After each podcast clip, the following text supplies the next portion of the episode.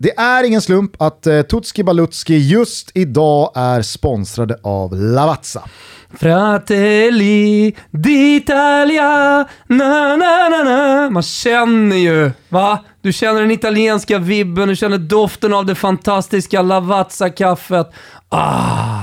Jag känner att Lavazza är en symbol för italienskt kaffe världen över. Och när du säger att det är en symbol för italienskt kaffe, då tänker jag på njutningen bakom precis varje kaffestund. För italienarna är ju så jävla bra på att njuta. Och det är väl den essensen som Lavazza både försöker och har lyckats fånga i sitt kaffe. Ja, men det tycker jag. De har ju kaffe för precis alla möjliga olika bryggvarianter. Och när jag säger bryggvarianter så menar jag såklart espresso, mocca, vanligt svenskt bryggkaffe. De har precis all form av kaffe, Gustav. Lavazza är Italiens största kaffevarumärke och det här har italienarna druckit ända sedan 1895 då det grundades i Turin. Och i Tutski Balutski-studion, där dricker vi inget annat kaffe just nu Kanske vi ska tillägga för att eh, Lavazza har ju jäkligt många goda kaffesorter. Men just nu så är det Qualita Rossa som gäller. Älskar Qualita Rossa. Det har sedan länge varit min favorit. En gång i tiden körde jag bara mocka på min gasspis. Nu kör jag mycket bryggkaffe, Lavazza Qualita Rossa. Får jag bara lära folk en sak en gång för alla. Mm. Cappuccino, det dricker man på morgonen. Om man vill vara en fullfjädrad jävla italiensk kaffedrickare, ja men då dricker man sin cappuccino innan 11. Inte efter, eller för den delen till, sin dessert på kvällen. Men alldeles oavsett vad du dricker för kaffe så passar Qualita Rossa perfekt för både espresso, mocca men också vanligt bryggkaffe. Speciellt för dig som föredrar att dricka med en skvätt mjölk i. Mm, det är gott. Det är riktigt gott. Äh, men ta en riktig fin kaffe. Se till att skaffa Lavazza Qualita Rossa oavsett om du dricker espresso, mocca eller bryggkaffe. Gör det nu så blir du en fullfjädrad italiensk kaffedrickare. En livsnjutare Gusten. Vi säger stort tack till Lavazza för att ni är med och möjliggör Tutski Balutski. Stort tack.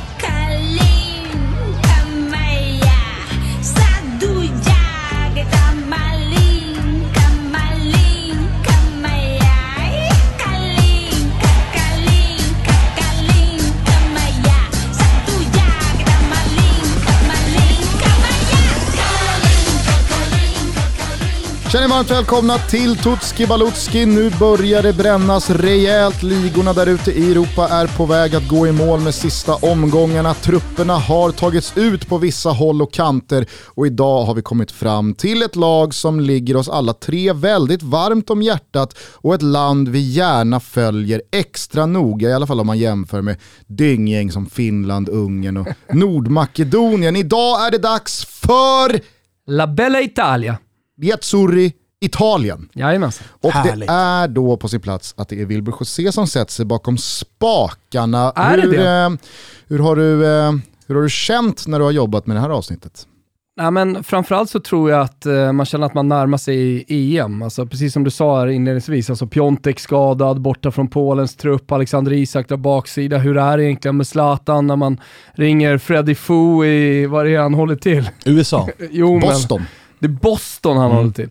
Eh, så, det, alltså det gör ju på något konstigt jävla sätt att eh, EM-pulsen liksom går upp ännu mer. Eller att man känner att man närmar sig i alla fall. Eh, det, det, blir mer konkret. Eh, alltså bara, bara jag läste det där om Piontek, att så här, ah, han är inte med. Då kände jag, vänta, har vi gjort Polen, vad hände där? Och, ja. Men nej, nej, så att, eh, och så börjar man sätta tänderna i Italien och så går man igenom för 51 gången i livet eh, Italiens VM-historia och man eh, har jobbat då med ganska, ganska bra länder, fotbollsländer innan och inser vilket jävla fotbollsland det är. Alltså för en gång i tiden så var ju mästerskapen det stora. Eh, Klubbkupperna i all ära, de internationella, men ja. Nu känns det som att Champions League och eh, de, här, de här turneringarna liksom har gått om lite hos kidsen. Men eh, helvete vilket jävla, vilken jävla fotbollshistoria Italien har. Alltså. På tal om den där historien så är det väl typ hela vägen tillbaka till andra världskriget sen Italien inte har spelat mästerskap på fem år. 58, jaha, eh, ja 58 missade man ju. Exakt, eh, och då var väl inte EM igång. Ja, Eh, så då spelade man ju VM fyra år senare. Men nu har man alltså gått svältfödda i fem år eftersom att Sverige norpade den där VM-platsen på San Siro sent 2017. Eh, speciella jävla år för Ja. Italien. Ja, men det är klart att det har varit, det har varit svarta år och eh, det, det, har, det har varit att bygga upp det italienska landslaget igen och få det italienska folket att omfamna det italienska landslaget igen. Efter eh, Venturas miss eh, mot Sverige och allting som skedde därefter beskrevs ju som den mörkaste idrottsdagen någonsin i italiensk eh, historia och allt Men det där var väl lite också, det var väl lite på G. Det var som att Italiens landslag under, fram tills dess levde på lite lånad tid. Man, man litade väldigt mycket på spelare som hade erfarenhet men som kanske inte var tillräckligt bra. Och den här torsken mot Sverige har ju gjort att Mancini därefter verkligen har satsat på en ny generation, vilket har behövts i Italien. Ja men det har vi varit inne på, dels i Toto, framförallt i Toto, liksom, att Italien missade ju en generation. Alltså det blev inga toppspelare av Aquilani och Montolivo och, och, och ligan. Klart att det var ett jävligt bra landslag fortfarande. Ett landslag som Cesare Prandelli tog till eh, en EM-final, bara, bara en sån sak liksom. Eh, men men det, var, det var en generation fotbollsspelare som tyvärr inte nådde hela vägen fram, eh, de, de, de bästa. Och sen så, exakt vad det beror på, det, det pratar man ganska mycket om i Italien, och har pratat väldigt mycket om vad, vad man har missat. Men, men det man kanske då har kommit fram till är väl att man inte riktigt har hängt med i fotbollsutvecklingen.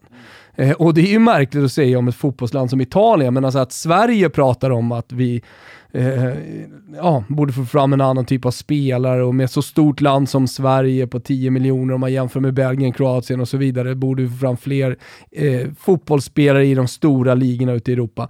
Men, men kan ni tänka er Italien då? Eh, så, så att, ja, det, det, det har varit en lost generation, men det ser annorlunda ut nu. Nu är det, nu, nu är det, nu är det sköna unga spelare på Ja, väg nu upp. Och, pirrar det mer spelare när man gör tänker på sk- ja, Italien. spelare som gör skillnad i stora klubbar. Nej, men jag håller med, jag minns de där åren 2014, 2015, 2016. Eh, även fast man gick till mästerskapen och väl där presterade så var det ju startelver innehållandes eh, spelare från olika klubbar där man kände vartåt det här barkade. Det var inte det i Italien, i alla fall jag hade vuxit upp med. Nyckelspelare från Milan, Juventus, Inter, Roma, Lazio som gick långt i de europeiska kupperna och som tillhörde den absoluta eliten. Utan när man såg spelare som alltså Graziano Pelle, Eder, Giaccherini, alla, alltså då, då, då kände man ju inte, ja det här är ett lag som över tid kommer fortsätta slå, det kommer komma en kraschlandning här snart. Ja, och den kraschlandningen som skedde efter det briljanta 90-talet när italiensk fotboll var den bästa fotbollen som spelades och det var slutdestinationen för väldigt många spelare. Eh, och, och sen då Premier League och, och pengarna som kom in i Premier League som gjorde den ligan större och alltihopa. Men det stålbadet, alltså det, 10-talet är ju sinnessjukt i Italien egentligen om man, om man tänker efter. Först då de, de ekonomiska problemen för de största klubbarna. Roma, Lazio, de klarade sig med Salva Calcio-lagen. Eh, Fiorentina som var en av de sju systrarna, de åkte åt helvete. Parma med Parmalat, de åkte åt helvete. Sen kom lite senare eh, det stora stålbadet för alla presidenter. Alltså Berlusconi, Moratti, när pengarna plötsligt tog slut, när man inte kunde bedriva en fotbollsklubb som man gjorde på 90-talet. Ja, men då, då kom det stora stålbadet även för dem. Så att eh, det, det, det är liksom allt det här egentligen som, som är förklaringen till att italiensk landslagsfotboll också har blivit lidande och att man har tappat en generation. Men eh, som, som jag sa, nu, nu är det mycket mer, mer välmående klubbar. Eh, de stora, klassiskt stora, historiskt stora klubbarna är på väg tillbaka eh, och kommer säkerligen inom fem år även vara med och slåss om Champions League, liksom de, de ärofyllda Champions League-matcherna kommer de vara med i, i semifinal, kvartsfinal och så vidare. Så Kul- det är någonting på gång. Kulminerade ju med det där VM-guldet 2006, men Italiens landslag tidigt 00-tal var ju också fruktansvärt jävla bra med Mm. Totti, Maldini, nästa Cannavaro, Del P- Alltså vilket jävla lag de hade då. Ja, men jag tänkte säga det, alltså, eh, vi, vi kommer ju in på vägen till, ska vi alldeles strax, men fotbollshistorien, så de som inte känner till det så har Italien eh, fyra stycken VM-guld. Eh, och de har två stycken finaler också, 70 och 94. Eh, såg jag på Skandinavium i Göteborg, det var Gothia Cup, eh, så, eh, på storbildsskärmen där. På den tiden, ganska grumlig storbildsskärm. Eh, men eh, eh, EM då, eh, 68 vann man. Sen har man två andra platser 2000 som du beskriver med det där, det landslaget kanske kom in på. Moraliska sen, vinnare 2000. Ja, oh ja. Väldigt moraliska vinnare. Och sen 2012 då med Prandelli, alltså det, det, det, är, det är ett VM-silver av liksom tre finaler som, som Prandelli tar ett uselt italienskt landslag till, eh, får man ändå säga. Men då står Mario Balotelli på toppen. Alltså det finns spelare där från den här Lost Generation som vi pratar om. Så alltså går, man tillbaks, går man tillbaks till den och kollar startelvan i den matchen nu och tänker på vad hände med de här spelarna, vart tog de vägen sen, så är det helt otroligt att de spelade final ju. Ja, ja, men det, det är många dassiga lirare ja, i den truppen. Ja, jag vet, men han fick till det. Alltså, då var ju Prandelli som bäst också. Men nu kommer vi in på massa... Alltså Italien blir ju så här, du kan prata hur mycket som helst och så blir det med Tyskland, med England och så vidare. Men jag tänkte bara fråga vilka, vilka som var eran, erat lag i, alltså ert italienska landslag. Du är inne på 2000, jag Nej, tänker på din ålder. VM 2002. Ja. Alltså där, mm. där tycker jag, för att i och med att Sverige hade dem i gruppen 2004, så gick det liksom inte att hålla en tumme för dem. Eh, men 2002, då skulle jag påstå att eh, det italienska laget, eh, ja, men, alla som minns matcherna och minns efterspelen, alltså, de blev ju så bortdömda eh, så att det, det, det liknade ingenting med, med domsluten de hade mot sig. Men det laget, eh, så som de också såg ut, eh, många väljer ju alltid att lyfta de där kappatröjorna från 2000, men jag tycker nästan de är ännu vassare 2002. de är vassare då, men 2000 var väl första det var väl då steget togs till att ja, ingen hade gjort ja, de här tajta komma, tröjorna. Vi ska komma ihåg att vi kommer ju från ett tröjdecennium som Sopsäckar. har varit katastrof, när alla skulle ha XL-tröjor. Mm. Men eh, nej, så 2002 då hade ju Totti gått från nummer 20 till nummer 10. Eh, Del Piero var otrolig, Christian Vieri längst fram, vilken jävla bomber att ha. Damiano Tomassi, eh, så nästa Maldini Cannavaro, jag tror att det var, det kan ha varit Giuliano Eh, och så har du Buffon, nej men det var sånt jävla lag alltså. Ja men det var ett otroligt Totalt lag. Mitt är ju det med Bergamo, Tsenga, eh, Ancelotti, Donadoni, Vialli, Baggio. Alltså det, det var ju så stora. Bergomi nämnde jag, det här med Ferri, Vierkovod, Nicola Berti. Alltså det landslaget som var 1990 var ett enormt landslag. Alltså jag tror att jag, jag, jag har samma känslor för det som du har för 2000 det är ungefär tio år mellan oss och det är tio år mellan de landslagen. Eh, alltså 2000 tycker jag ju var det snyggaste, men, men alltså 06 är ju också, det är ju en otrolig upplaga. Ja men det, det, det, är ju... Det är ju jag kunde inte förstör det för mig. men Pirlo 06 var ju, ja, det var ju så bra det kunde bli. Eh, det har ju blivit lite, har jag märkt, i Tutski Balutski, att folk vill att vi ska nämna spelare. Alltså vi går ju väldigt mallat här och det är möjligt att vi går utanför den mallen lite mer när det blir stornationerna. Men liksom så här, för mig blir det svårt att prata italiensk fotbollshistoria utan att prata om Schillaci till exempel. Alltså så här, eh, sen, sen, har jag lättare att prata om finsk landslagshistoria och glömma någon lirare 97 som var ganska bra. Eller en, en stor match 97 som var ganska bra. Men jag, alltså, folk ska lyssna på det här. När vi pratar nu om det italienska landslaget och alla andra landslag som vi gör, vi går efter en mall. Vi kommer inte nämna alla spelare. Eh, kort bara om det där VM 06-laget. I och med att lite så posterboy-spelare blev eh, Grosso och Materazzi. Det, det, gjorde också att jag inte riktigt kunde, jag kunde inte förlora mig helt i det där laget. Totte med kort mm. hår. Mm. Nej, alltså, ja, jag, sket, jag sket ganska fullständigt Det är lite i... därför jag landar i eh, 2000, för där var ju Totti som snyggast. Nej, 2002 Nej, var jag, han som snyggast. 2000 säger jag. Jag, jag, jag, jag, tror att du ska göra som många lyssnare här nu. Sätter, ta, ta, ta en recap på Italiens VM 2002 ja. och landa i, ja, landa i det, det otro, alltså den otroliga estetiken, både på dem som lag men också Totti som men spelare. Vi... För då klev han upp i de rödvita Nike Zoom Air-skorna med sned snörning och var ja, men fullständigt eh, perfekt i sin look. Mm, men vi ska heller inte glömma bort kontrasten mellan 90-talets tröjor och 2000-tröjorna. Alltså det var en sån jävla kontrast alltså. Och det var pre och man kunde beställa på nätet och alltihop och jag fick tag på en vit jävel. Fy fan. Den spillde jag ner i Lund på Värmlands nation full med vin. Och det här är väl att svära i kyrkan. Italien brukar ju vara bäst i klassen. Ja, men, men, den här sommaren så tycker jag att de har gått bort sig lite i den här bortatröjan där de har lagt ja, vilka... centrerat och, och lagt Puma-loggan precis bredvid. Det ser, ut som, ser verkligen ut som en träningströja. Jag tycker dock... inte att det är värdigt italienska, italienska landslaget att springa omkring i, i fucking Puma. Nej. Liksom den sämre brorsan Dassler ska man kom, komma till. Men, men eh, vad jag tänkte säga med 2000 och om tröjorna, tröjorna där, den var ju också handtvätt. Hur fan kan de ha fotbollströja i handtvätt? Alltså originalmaterialet liksom. Handtvätt. Det är klart det ska Så vara handtvätt. stod, stod ju då gubbe.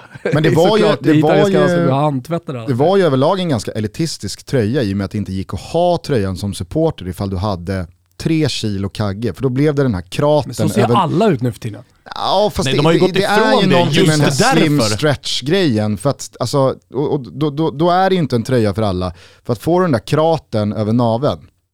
Nej, är, Undra om det, undra hur stor, ja, ja Thomas, du har, är- undra hur är stor beef det har varit där mellan de som tar fram tröjan och de som vill att den ska sälja. För det är ju precis som du säger, det kan ju inte sålt särskilt många.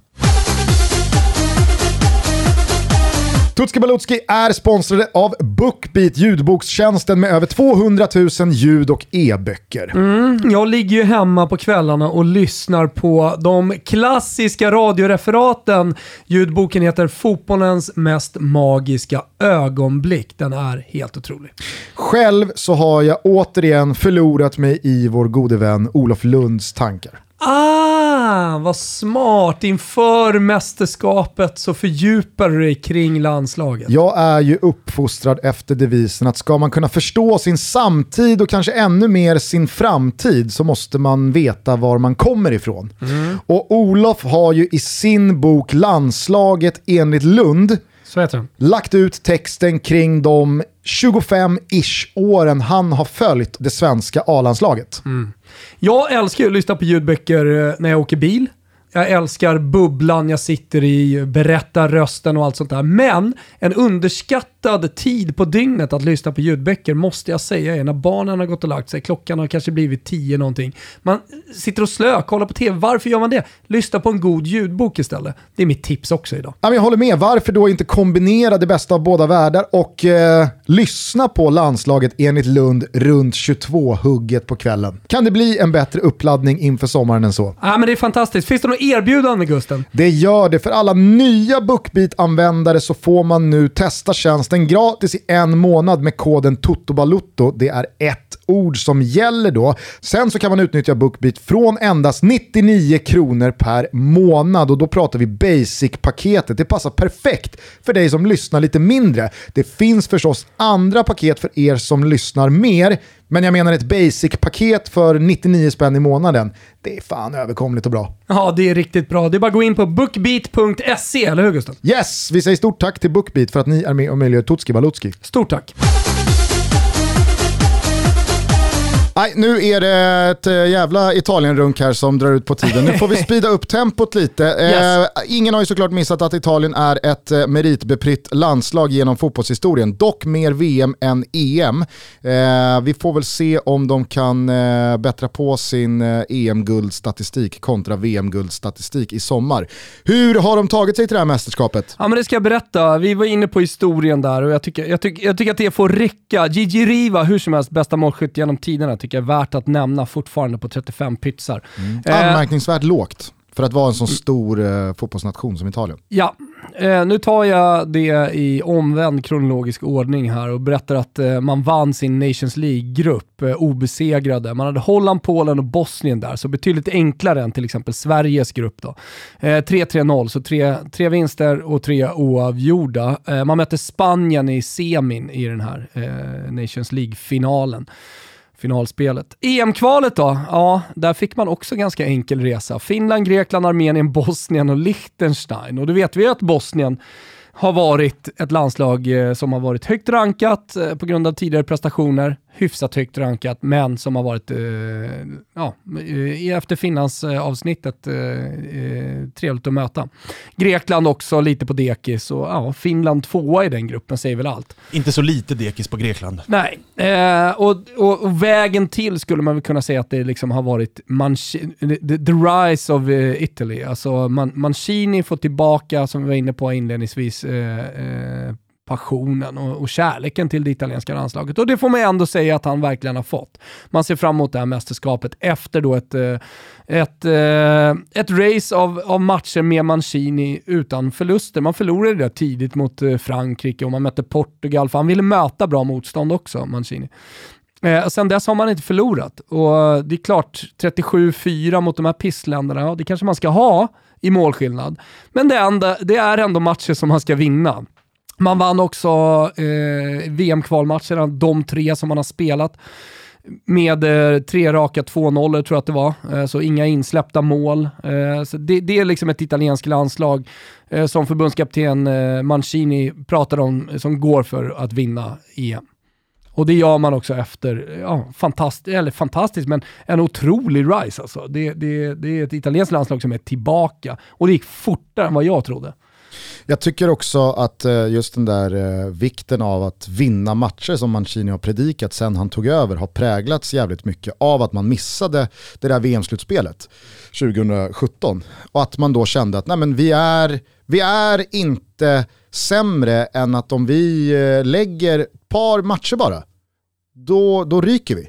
Så det går inte att slarva någonstans. Nej, men exakt. Fullt fokus hela tiden. Och det, och det tycker jag också liksom präglar eh, de senaste två och ett halvt åren som Mancini har varit där. Eh, just det här med, med hårt arbete, lite det Conte lämnade efter sig som Ventura inte tog vid. Han har använt otroligt många spelare. Förra samlingen hade han 38 med. alltså vi pratade om Janne, att han liksom tog med granen, så han har 38 spelare med i, i en VM-kvalsamling ändå. Eh, där han snurrade rejält alltså, i de här matcherna mot Litauen och, och i, vilka man nu mötte.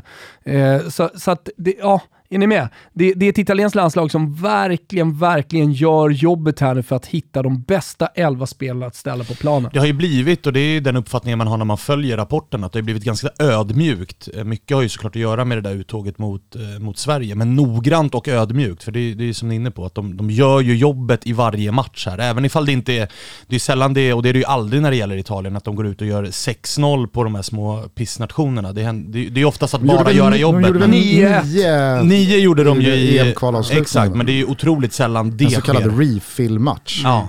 Och när man pratar om det här, vägen till, så kommer man ju lätt in på förbundskaptenen eh, eh, Mancini, som då har fått uppgiften att eh, få det italienska landslaget att komma tillbaka. Han eh, ska alldeles strax här, tror jag, skriva på ett eh, längre avtal med det italienska landslaget fram till 2026 och ytterligare två mästerskap. Blir det fan tre blir det. Ja, han har till 2022. För eh, han har en klausul i sitt kontrakt eh, som var prestationsbaserat. Ta oss till EM eller du är out. Och det var ju liksom aldrig något snack. Och då förlängdes det 2022, men nu eh, förhandlar man det fram till 2026 Jävla redan. risky business att göra det, in, alltså förlänga så långt innan EM. Kan det vara, men det är ett ungt italienskt landslag som vi ska komma in på också, som man förfogar över. Sen är väl alltid de där kontrakten, de, de, är, de är lösbara. ja, det, ifall det skulle vara så. Det har man ju sett förr. Eh, ska bara säga det, eh, att eh, oavsett eh, liksom tuffheten, enkelheten i det här kvalspelet man har haft och att man har haft en ganska tacksam Nations League A-division här senast. Det är över två och ett halvt år sedan Italien förlorade en landskamp. Ja, men sorry. Och vi minns väl alla hur det snackades i det här landet i höstas med, ah, men vad gör det egentligen med självförtroendet i gruppen när man torskar och vi predikade att ah, men det är ju mot Frankrike och det är Kroatien och det är Portugal. Och det, det är vad det är, men det är ju trots allt massa förluster. Även fast det är Finland, Armenien, Bulgarien och, och de typerna av motstånd så två och ett halvt, snart tre år av bara obesegrade matcher. Det är klart det stärker laget och gruppen och ja. att självförtroendet växer. Att det är en jävla styrka att ha med sig in i ett mästerskap. Att bygga vin vinnarmentalitet handlar om att man måste vinna matcher och, och det, det, är där den kommer. Men eh, på tal om Mancini då, så är det ju för mig en fem getingar i, i en guide på en, eh, på en landslagstränare. Alltså utan att tveka. Det är så mycket fem getingar man kan vara eh, i, i, en, i, en, i en EM-mästerskapsguide. Eh, han eh, har ju i alla lag som han har varit i, i stort sett vunnit. Alltså han hade ju en session när han var tillbaka inte 2014 till 2016 där han inte vann. Eh, men annars så annars har han ju vunnit var han än har varit. Alltså till och med där han började som tränare, i Fiorentina.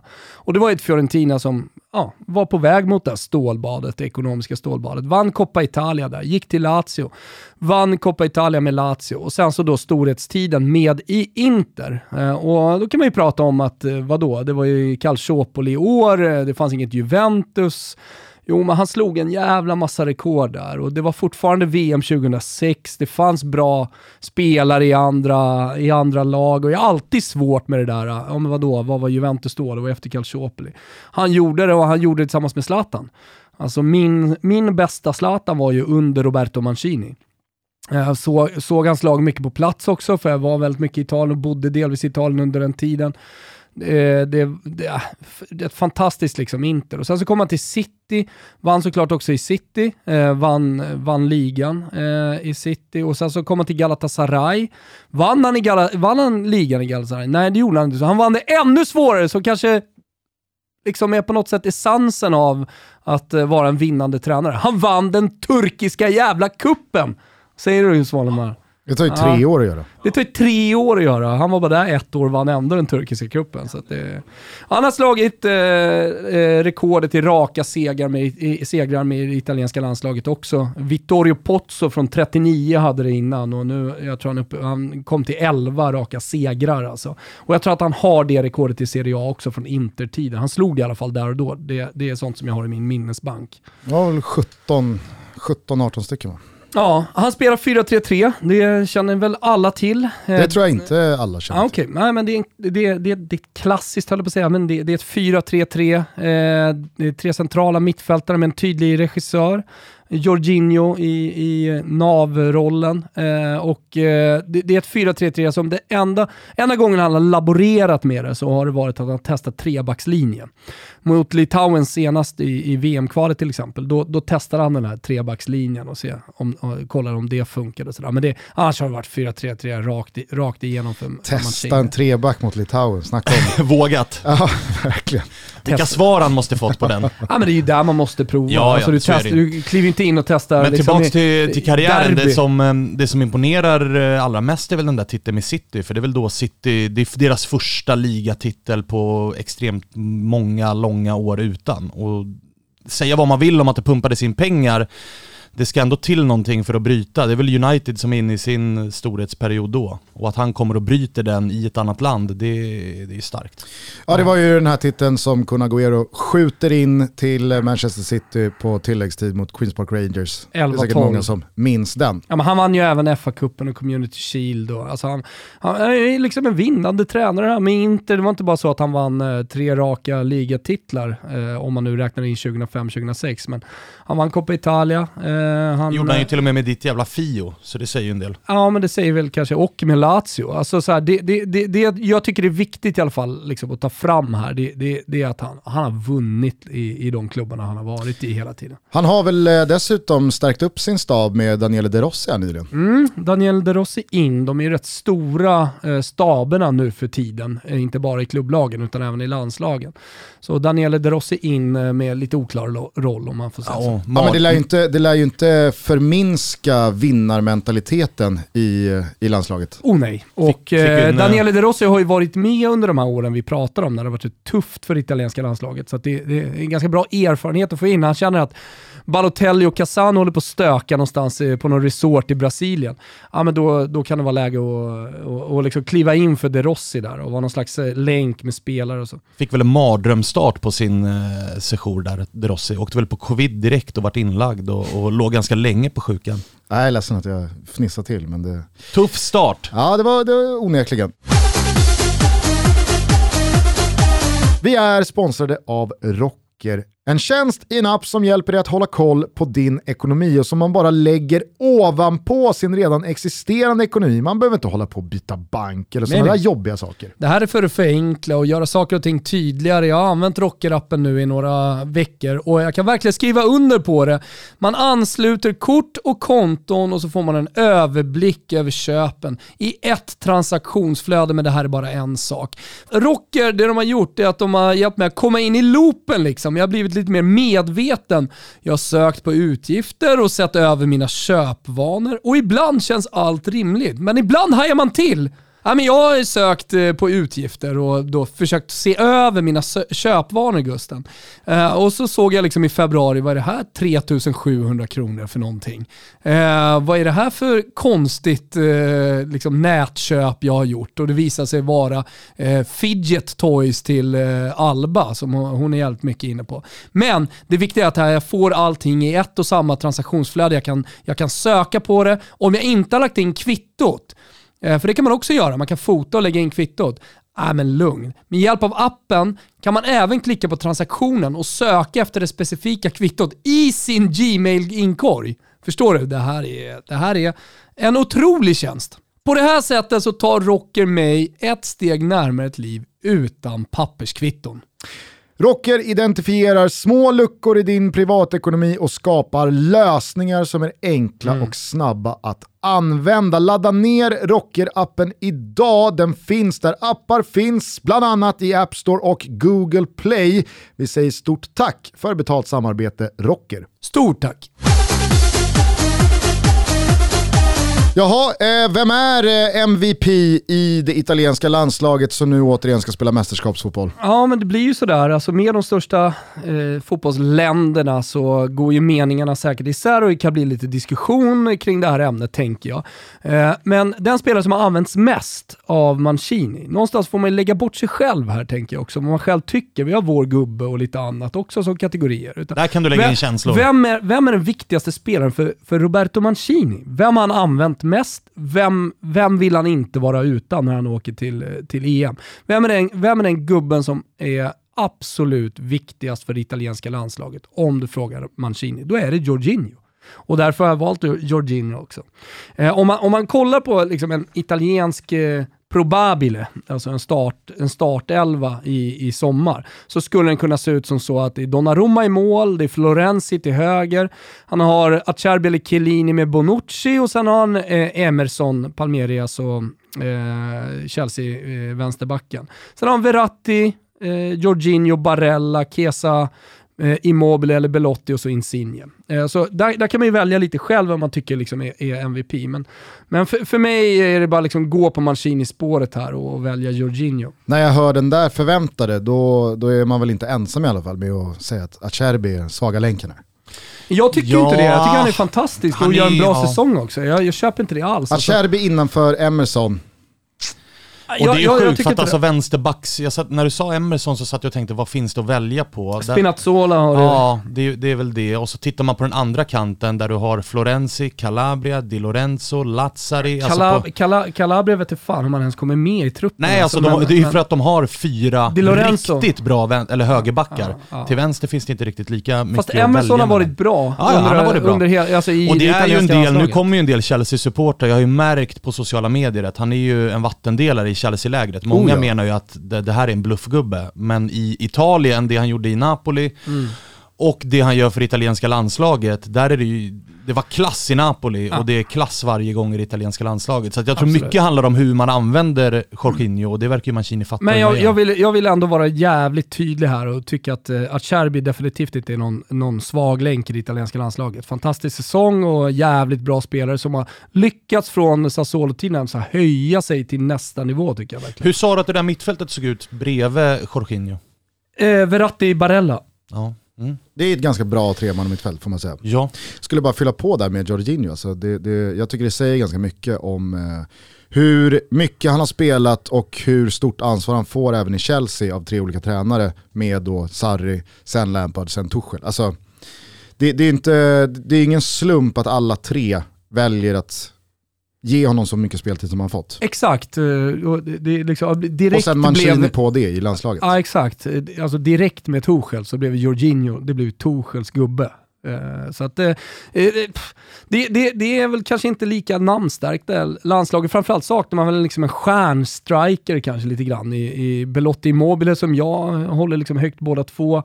Eh, men, men det pratas ju om i, i, i Italien om att så här, det är dags för Immobile kanske att, att göra de där målen även i landslaget. Är det snackisen eller? Nej, det är Nej det är inte det. För att annars så, alltså, stannar vi till vid anfallsfrågan så är det ju det är problematiskt att Immobile har ju, han, han får ju ofta kritik för att han inte levererar i landslaget.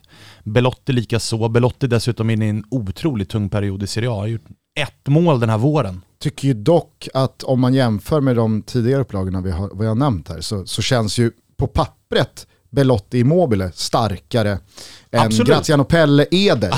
det, absolut, Ja, absolut. alltså det- Men det båda också- har ju haft problem att leverera i landslaget. Ja. Och sen vad är det för landslag de har haft problem att leverera i? Alltså, de, de, Alla de har har gjort det bra. Det, de, har, de har ju varit helt okej i Mancinis landslag, absolut. Men sen inte så bra som de har varit i sina klubblag. Men, men eh, det, det, det är decent, det är helt okej. eh, men när vi kommer in på stjärnskottet så ska vi snacka om en annan gubbe. Men du, du frågade Snackisen. Snackisen, ja. Eh, Det är två potentiella snackisar. En som redan har börjat bubbla upp eh, och eh, den, den, den, är, den andra snackisen, den vet jag inte. För att jag förväntar mig bara att det blir en stor skandal i Italien. Någonstans rullas Jaha. den ut den 3 juni och så blir det, det blir en spelskandal. Det är någon jävla dopingskandal. Du går eller på logik och erfarenhet Jag går på logik och erfarenhet. Jag Den stora- saknar en jävla snackis i Och med Italien. tanke på 2006 så hoppas vi lite på en, på en skandal 82, också. Ja. eh, samma sak. eh, det- För då det- vinner man. Då vinner man. Den Så man- stora snackisen kring Italien har ännu inte briserat när vi Nej. spelar in det här eh, avsnittet. Så att, eh, ah, okej, smart, bra. Mm. Eh, det som det snackas om då? Ja, nej men eh, Zaniolo. Mm. Eh, det, det, är nämligen så att San, Zaniolo, han har åkt på två korsbandsskador. Eh, megatalangen i Italien, den stora jävla supertalangen som också har blivit liksom, eh, vad ska jag säga, en snackis på sociala medier och hans mamma, hon dejtar yngre snubbar och är en, ser ut som en liksom spelarfru mer eller mindre. Han och, dejtar Eros Ramazzottis ex. Exakt, så det, det är liksom en, en, en personaggio, en, en karaktär i Italien eh, som bara född, alltså han är född 2000, Zaniolo. Och det, det, det som då är på väg att bli en snackis, som redan har börjat bubbla upp, det är att Roma vill ju inte att han spelar EM, vad det verkar. Det är inget, officie- inget officiellt snack, men det har skrivits mycket om det. Eh, och det skrivs eh, as we speak om det. Eh, Mancini har sagt att han väntar på ett Zaniolo in i det sista för han vill ha med honom. Det är en spelare som Mancini säger kan göra skillnad för det italienska landslaget. Alltså det, det, här, är, inte- det här är inte en 24, 24 gubbe eller 25 gubbe, utan det, det här är en spelare, för man måste också komma ihåg att EM startar 11 juni.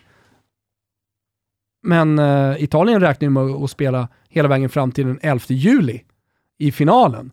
Så att så här, visst, du kan vara skadad 11 ju, juni, eller kanske inte vara i toppform, men vi kan jobba på dig så du, du är redo för semifinalen. Eh, så att eh, det- det- Mancini vill ha med honom, men Roma vill, vad det verkar, att han inte spelar EM, så man får liksom honom i, eh, i perfekt slag inför nästa Och det säsong. är Och det, ju- här, det här är typiskt sån sak, på tal om erfarenhet. Med min erfarenhet jag kan säga att det, det som det liksom, det skaver just nu.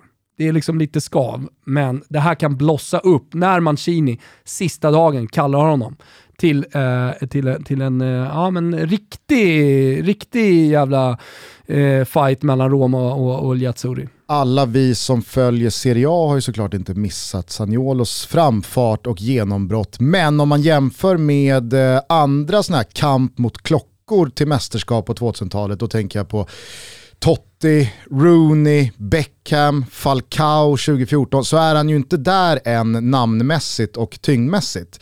Men varje mästerskap ska ju också ha en kamp mot klocka-gubbe. Mm. Han är kamp mot klocka-gubben i Italien. Hade väl Delvis kunnat vara stjärnskott då i och med att Exakt. kanske inte jättemånga har följt honom eh, utanför Italiens gränser. Och sen säger det ju väldigt mycket om hans, alltså han har väl inte spelat en sekund den här säsongen. Ja det var ju i början där, eh, han skadade sig i... Första eh, landslagssamlingen. Ja, Så att det var- september. Ja, så att, alltså han har inte spelat fotboll sen september. Det säger en del om vilken stor talang det är att, att han ändå då, Ja. Mancini vill verkligen ha med honom. Ja, för, för mig så är han den giv, det givna stjärnskott om man är med, men i och med att han är skadad så, så har jag liksom valt ut en annan.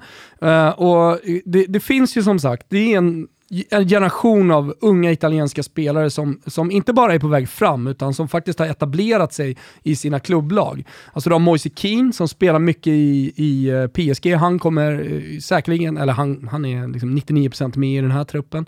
Eh, du har eh, Barella i Inter som framförallt i år då har vuxit fram. Nu pratar vi om 97er, Federico Chiesa i Juventus som enligt Mancini är den spelaren som under den här säsongen har utvecklats mest. Som har haft, och jag, jag, jag tror att vi alla här i, i studion kan skriva under på det. Verkligen. Federico Chiesas utveckling under 20, 2021, det är otrolig. Ja, jag, jag såg den inte komma. Just att han blivit Nej, en men poängspelare alltså, också, eh, konkret. under hösten så såg man ju inte Kesa vara på den nivå han varit senaste 3-4 månaderna. När han började med att bli utvisad i sin debut och ja, men stod för ett par riktigt tunga insatser. Men eh, äh, jävlar eh, vilken fart under vingarna han har fått. Ja, där finns Tonali, får se om han kommer med och så, och så vidare. Men äh, jag, jag, tycker ändå att så här, 97 visst, men Kesa är vårt stjärnskott i och med att han har varit ett stjärnskott i Serie A. Det har hänt något med honom här nu. Och han är också så jävla intressant som man, man kanske fokuserar lite för mycket på niorna, att det är Immobile och Belotti som ska göra målen. Men i och med att han har blivit en poängspelare i Juventus, i och med att han har blivit liksom avgörande när Cristiano Ronaldo inte har levererat, då har ju Federico Chiesa klivit fram och varit den spelaren som, som har eh, varit tungan på vågen för Juventus, eh, att de har vunnit stora matcher ändå. Sen har han ju inte varit i närheten av Champions League-spel fram till den här säsongen och då är det i ett Juventus som åker ut ganska tidigt, står för en ganska slätstruken eh, figur. Så hans ålder till trots så kan jag ju tänka mig att ganska många som kommer följa det här mästerskapet inte har någon vidare koll på Federico Chiesa. Nej men exakt, han gör fyra mål i Champions League, han har gjort eh, sju mål i Serie A, åtta assist. Ja, och han, alltså, han avgör borta mot Milan till exempel, så han har ju klivit fram exakt. i stora matcher och jag såg verkligen framför mig att så här, det här är en spelare på sikt, han kommer få växeldra lite grann med Kulusevski, de gillar ju att utgå från högerkanten båda två, men han har ju för varje vecka som har gått så har han ju allt tydligare blivit en spelare som Pirlo typ sätter först i startelvan oavsett så okej okay, du, du måste spela, spelar ingen roll om det är till höger, till vänster, till och med som tia vissa matcher, att han måste spela och det, det, det har gått undan där.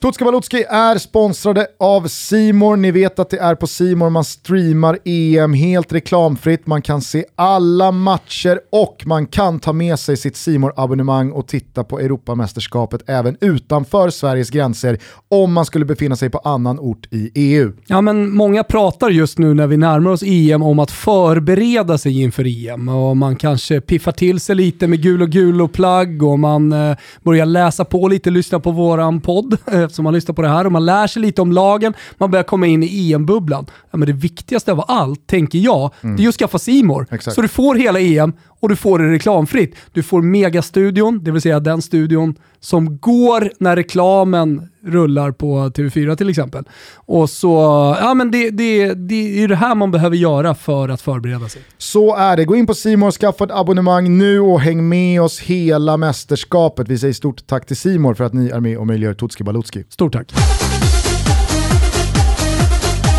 Men hörni, vi eh, trampar på. Vi har redogjort för både vägen till mästerskapet, eh, förbundskaptenen, MVP och stjärnskottet. Vem är då vår gubbe i detta italienska landslag? Jag tycker att det, det är liksom den mest givna vår gubbe som jag har. Oj, oj, oj. Alltså min gubbe. Andrea Belotti för mig Alltså jag bara väntar på att han ska, han ska hamna hos en stor klubb så att folk förstår hur jävla bra fotbollsspelare och anfallare och riktig nummer nio som Andrea Belotti är. Alltså jag, jag älskar honom. Många kommer ha, ha, hålla honom som provinciale eh, genom, genom liksom karriären tills den dagen han verkligen avgör för Italien eller, eller för, eh, eh, för, för ett stort klubblag. Men eh, alltså, han, jag älskar de här karaktärerna som inte riktigt ser ut så som man förväntar sig att en spelare ska göra. Alltså, de som inte har sett Belotti, men som, som lyssnar på det här.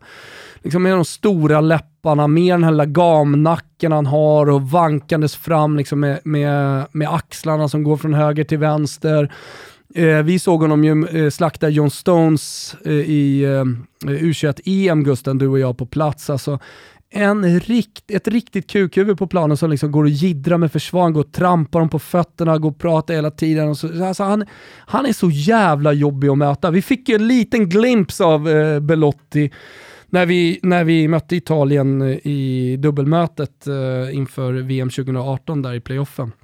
Eh, det, det, eh, ja, det, det, det ville sig inte då, men, men jag, jag tror ju att Andrea Belotti verkligen har ett mästerskap i sig. Alltså han, han, han, kan bli, han kan bli EM-kung för Italien. Kan ju tyckas banalt och primitivt att dra upp, men eh, vi noterade ju ganska tidigt att eh, det finns ett storkukslugn mm. hos Andrea Belotti. Någonting som Ponne bekräftade i och med att de delade duschrum i Torino at the time.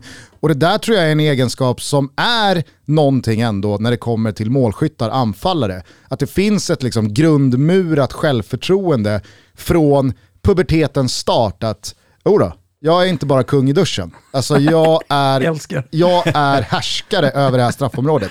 Ge mig bara bollen, för nu är det dags för den här kobran att matas. Ja, men det, det är ju en spelare som lever för målen. Det är en spelare som lever och dör ska jag säga för målen. Uh, han skjuter med höger, han skjuter med vänster, han nickar och han krigar i varenda jävla i varenda jävla moment av matchen så är han där och jobbar i defensiven och tar löpningar. Och, Och sen är det svårt att veta, som jag var inne på, den här våren har ju varit tung, men han vet nog om att i sommar så är det ju bara att lämna för en stor klubb. Det finns både Roma och Milan som är i behov utav nior. men det har varit det, det är möjligt att han har större fokus på EM och förbereder sig inför den här sommaren under den här våren. Kanske lite nedtränad, lite tung, fokus på andra ställen, vet om att flytten kommer komma oavsett vad som händer för Torino. Så att, eh, man Jo. kanske inte ska värdera den här måltorkan han har haft den här våren jättehögt. Nej, det tycker jag verkligen inte man ska göra. Om man går tillbaka i hans karriär så är det liksom visst, måltorka här, måltorka där, men 12 baljor för Torino, 6 assist. Eh, i, alltså Torino har varit usla. skitgäng. alltså, han har burit detta Torino. Eh, utan honom så hade inte, hade inte Torino varit kvar i Serie A. Eh, så att det, det är liksom... Ja, men det, det är en spelare som bara är 27 år dessutom, som eh, har framtiden för sig. Okej, han är inget stjärnskott, men 27 bast, redan så lång karriär. Aj, ja, han är så jävla mycket vår gubbe som det kan vara. Alltså 27 i all ära, ska han dock ta nästa kliv och bli den anfallare som han har pratat om att han ska kunna bli i ganska många år nu, så börjar det bli dags. Alltså det börjar bli dags att göra det på nästa nivå. Problemet har ju varit eh, hans eh, president Kairo som har satt alldeles för hög prislapp så att eh, de stora klubbarna har liksom ryggat undan. Det var ju snack om en miljard när han gjorde en drömsäsong här för ett par, tre år sedan. Mm. Eh, så, men, men jag tror att han har insett och jag tror att Andrea Belotti också känner själv att det liksom är på väg. Il Gallo! Han har ju målgesten eh, där han sätter fyra fingrar i pannan och, och härmar en tupp då. Efter hans polare som kallas för Il Gallo helt enkelt. Hörru du, eh, är det någonting mer eh, vi behöver ha med oss kring Italien här nu? Ja, många kanske rycker lite på axlarna nedvärderande och tänker varför nämner de inte Donnarumma som stjärnskott? Han är ju född 99 och är ju liksom snudd på MVP höll jag på att säga, men, men att Italien har en målvakt som Donnarumma, eh, född 99 men redan med den erfarenheten, det är därför han inte kan bli stjärnskottet här. Han, han, han har ju liksom varit eh, jag ska säga, en startspelare sedan han var 16-17 bast. Så, så det känns som att han varit med så länge. Börjar närma sig typ 500 matcher för Milan, så att det Kommer svårt förmodligen slå liksom alla rekord av Ja. Buffon i slutändan. Ja, det är klart att det var en skarv, men, men, Men han 300... har, väl, han, han har ju över 200 Serie A-matcher redan. ja, ja. Det Definitivt. är eh, 215 och sånt där. Ja. Eh, hur laddar man upp då? Vad har man för grupp? Vad fan, det är många detaljer vi har eh, missat här känner jag kring Ja, Italien. missat och missat. Vi kan väl ta den nu. Man har alltså Schweiz, eh, Vad hände där? Vad hände där, Wilbur José? Schweiz. sa jag Schweiz? W kom in och varit väldigt tydligt. Schweiz, eh, man har Wales och eh, man har eh, Turkarna i premiären. Och Ja! Eh, Mancini han varnar för turken. Han säger att de kan gå hela vägen och vinna EM. Det är väl för att bolla upp det lite. Turkarna i premiären, eh, men det, det är ett Italien som bara ska vinna den här gruppen. Det är liksom inget snack. Nu har man fått en ganska enkel resa i Nations League. Man har fått en ganska enkel resa i eh, eh, VM-kvalet, han har fått en enkel resa i EM-kvalet, han får enkel resa i det här gruppspelet. Eh, men det, det, det man kan räkna med är att Italien kommer vinna Eh, sina matcher och man eh, kommer säkert se riktigt bra ut. För så här, tidigare, och egentligen genom historien, så har Italien alltid varit det här landslaget som ska, det, det, funkar inte riktigt i gruppspelen, men man krånglar sig vidare och sen så går man och vinner i slutändan. Lite som supportrarna som kommer i semifinalen. De skiter liksom i det, det som händer på vägen fram. Dit ska man bara. Eh, så, så eh, är det ett annat italienskt landslag nu. De, de går för det i alla matcher. Hur eh, tänker du då när du landar i ditt långtidsspel, menar- nämligen Il Robletto! ah? Il Roblé? Il Robletto. Eh, nej men Ita- Italien eh, de avslutar det här mästerskapet eh, med att ha bäst målskillnad av alla lag. Så om vi Okej. räknar in plusmål och minusmål så har Italien, alldeles oavsett hur långt de går, mest, eh, eller bäst plusmålskillnad. Så ett land som potentiellt kan gå längre än Italien kanske har en plus minus eh, målskillnad på fyra. Exakt. Eh, och så har Italien åkt ut tidigare men de står på plus sju. Yes, Och det räcker längst av alla. så är det. Fan vad spännande Lite spel. mysigt Då- spel, eller hur? Jag tror att de går hela vägen till finalen, det, det har jag ju sagt tidigare. Men det som, det som jag tycker är bra med det här spelet det är ju att man har fått en så pass enkel grupp som man har fått, men det finns spelare i de offensiva leden som alla vill stärka sina personliga aktier det. inför slutspelet. Jag menar Insigne kommer vilja göra mål, eh, Belotti, Immobile, alltså... Ja, ja. Det, det, Chiesa. Det, Chiesa, herregud. Det, finns, eh, det finns många spelare som Barella vet gillar- att ska jag ha en plats i startelvan i en kvartsfinal, då är det jag som måste visa att jag är Kommer du ihåg målslag. när De Rossi var som bäst? Det var ju när han klev in i straffområdet som Lampard och bara liksom nickade in bollar från straffpunkten. Jag älskade den De Rossi liksom, som var med hela tiden. Sen blev jag ju mer och mer tillbakadragen och fick ju mindre och mindre eh, ansvar även i, i, i offensiven. Men Barella kan definitivt vara den spelaren, eller det har vi lärt oss från Intertiden, som liksom Verkligen, kommer in i straffområdet och, och gör mål också. Så alltså där bakom får vi se vad som händer.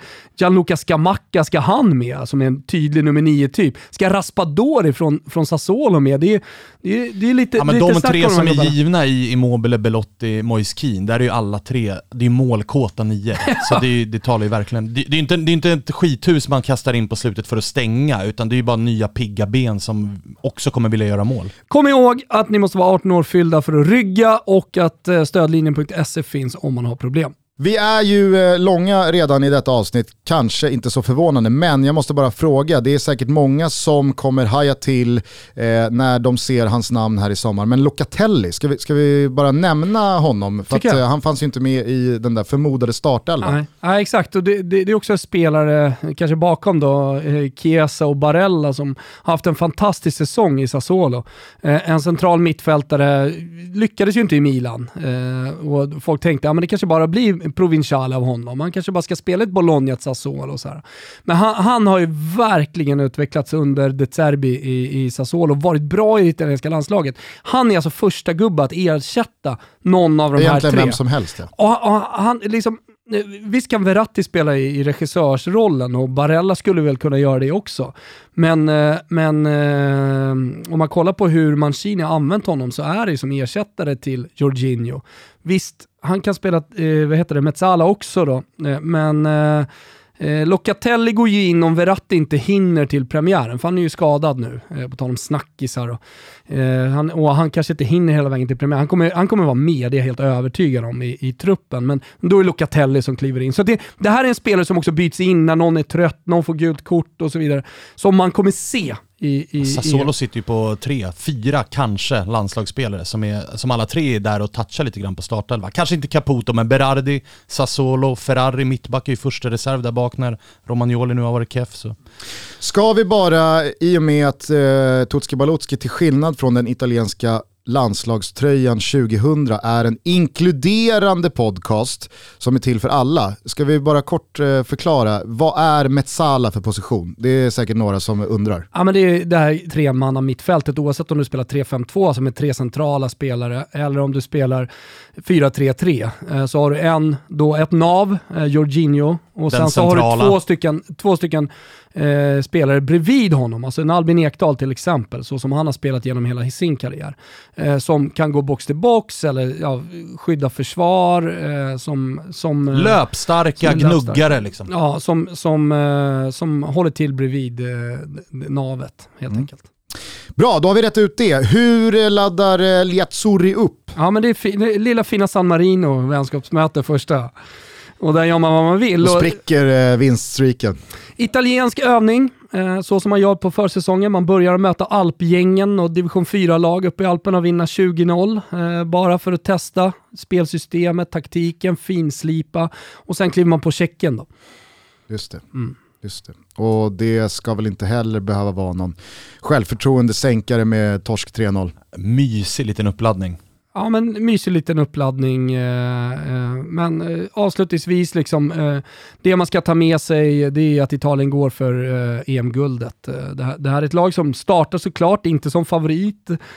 Men bakom England, Frankrike, de stora, så, så finns Italien där och jag tror det kan vara lite en så här, liten dark horse eh, till, till EM-guldet i, i sommar. Italien-Turkiet sparkar igång det här mästerskapet den 11 juni. Vi eh, spänner fast oss och blickar fram emot den skandal som kommer att eh, blossa upp och brisera här kring det italienska landslaget i slutet av maj, början av juni och sen så är det bara åka med när Italien nu är med och dansar igen i de stora mästerskapen.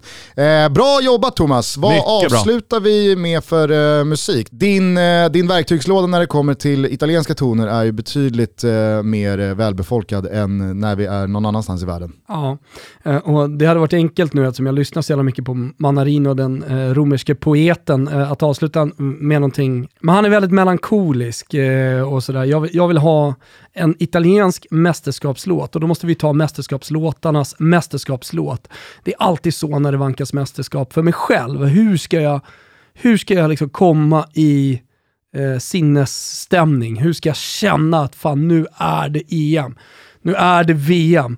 Ja men då drar jag alltid på Notti magiche. Eh, det, vi kommer inte undan det. Det är så även denna gång. Tänk Alltså, att jag det- inte är förvånad att du valde den. men samtidigt är du glad och det är det börjar rulla här och man känner Det är de här redan låtarna som ska rulla det när det är mästerskap. Det är de här låtarna som ska rulla. Vi ska, vi ska nog se till att få in, in med bollen med, i mål när vi, när vi rullar Sverige sen också. Men fan vad, vilken stämning man börjar komma i här nu gubbar. Verkligen. jävla Markoolio. Forza Italia! Hörni, vi hörs imorgon igen. Då är det jag som ger er Holland. Ciao tutti. Ciao, ciao. Non sarà una canzone a cambiare le regole del gioco, ma voglio viverla così questa avventura. Senza frontiere, con il cuore in gola. E il mondo in una giostra di colori. E il vento accarezza le bandiere. Arriva un brivido e ti trascina via. E sciogli in un abbraccio la follia. Notti magiche, inseguendo gol sotto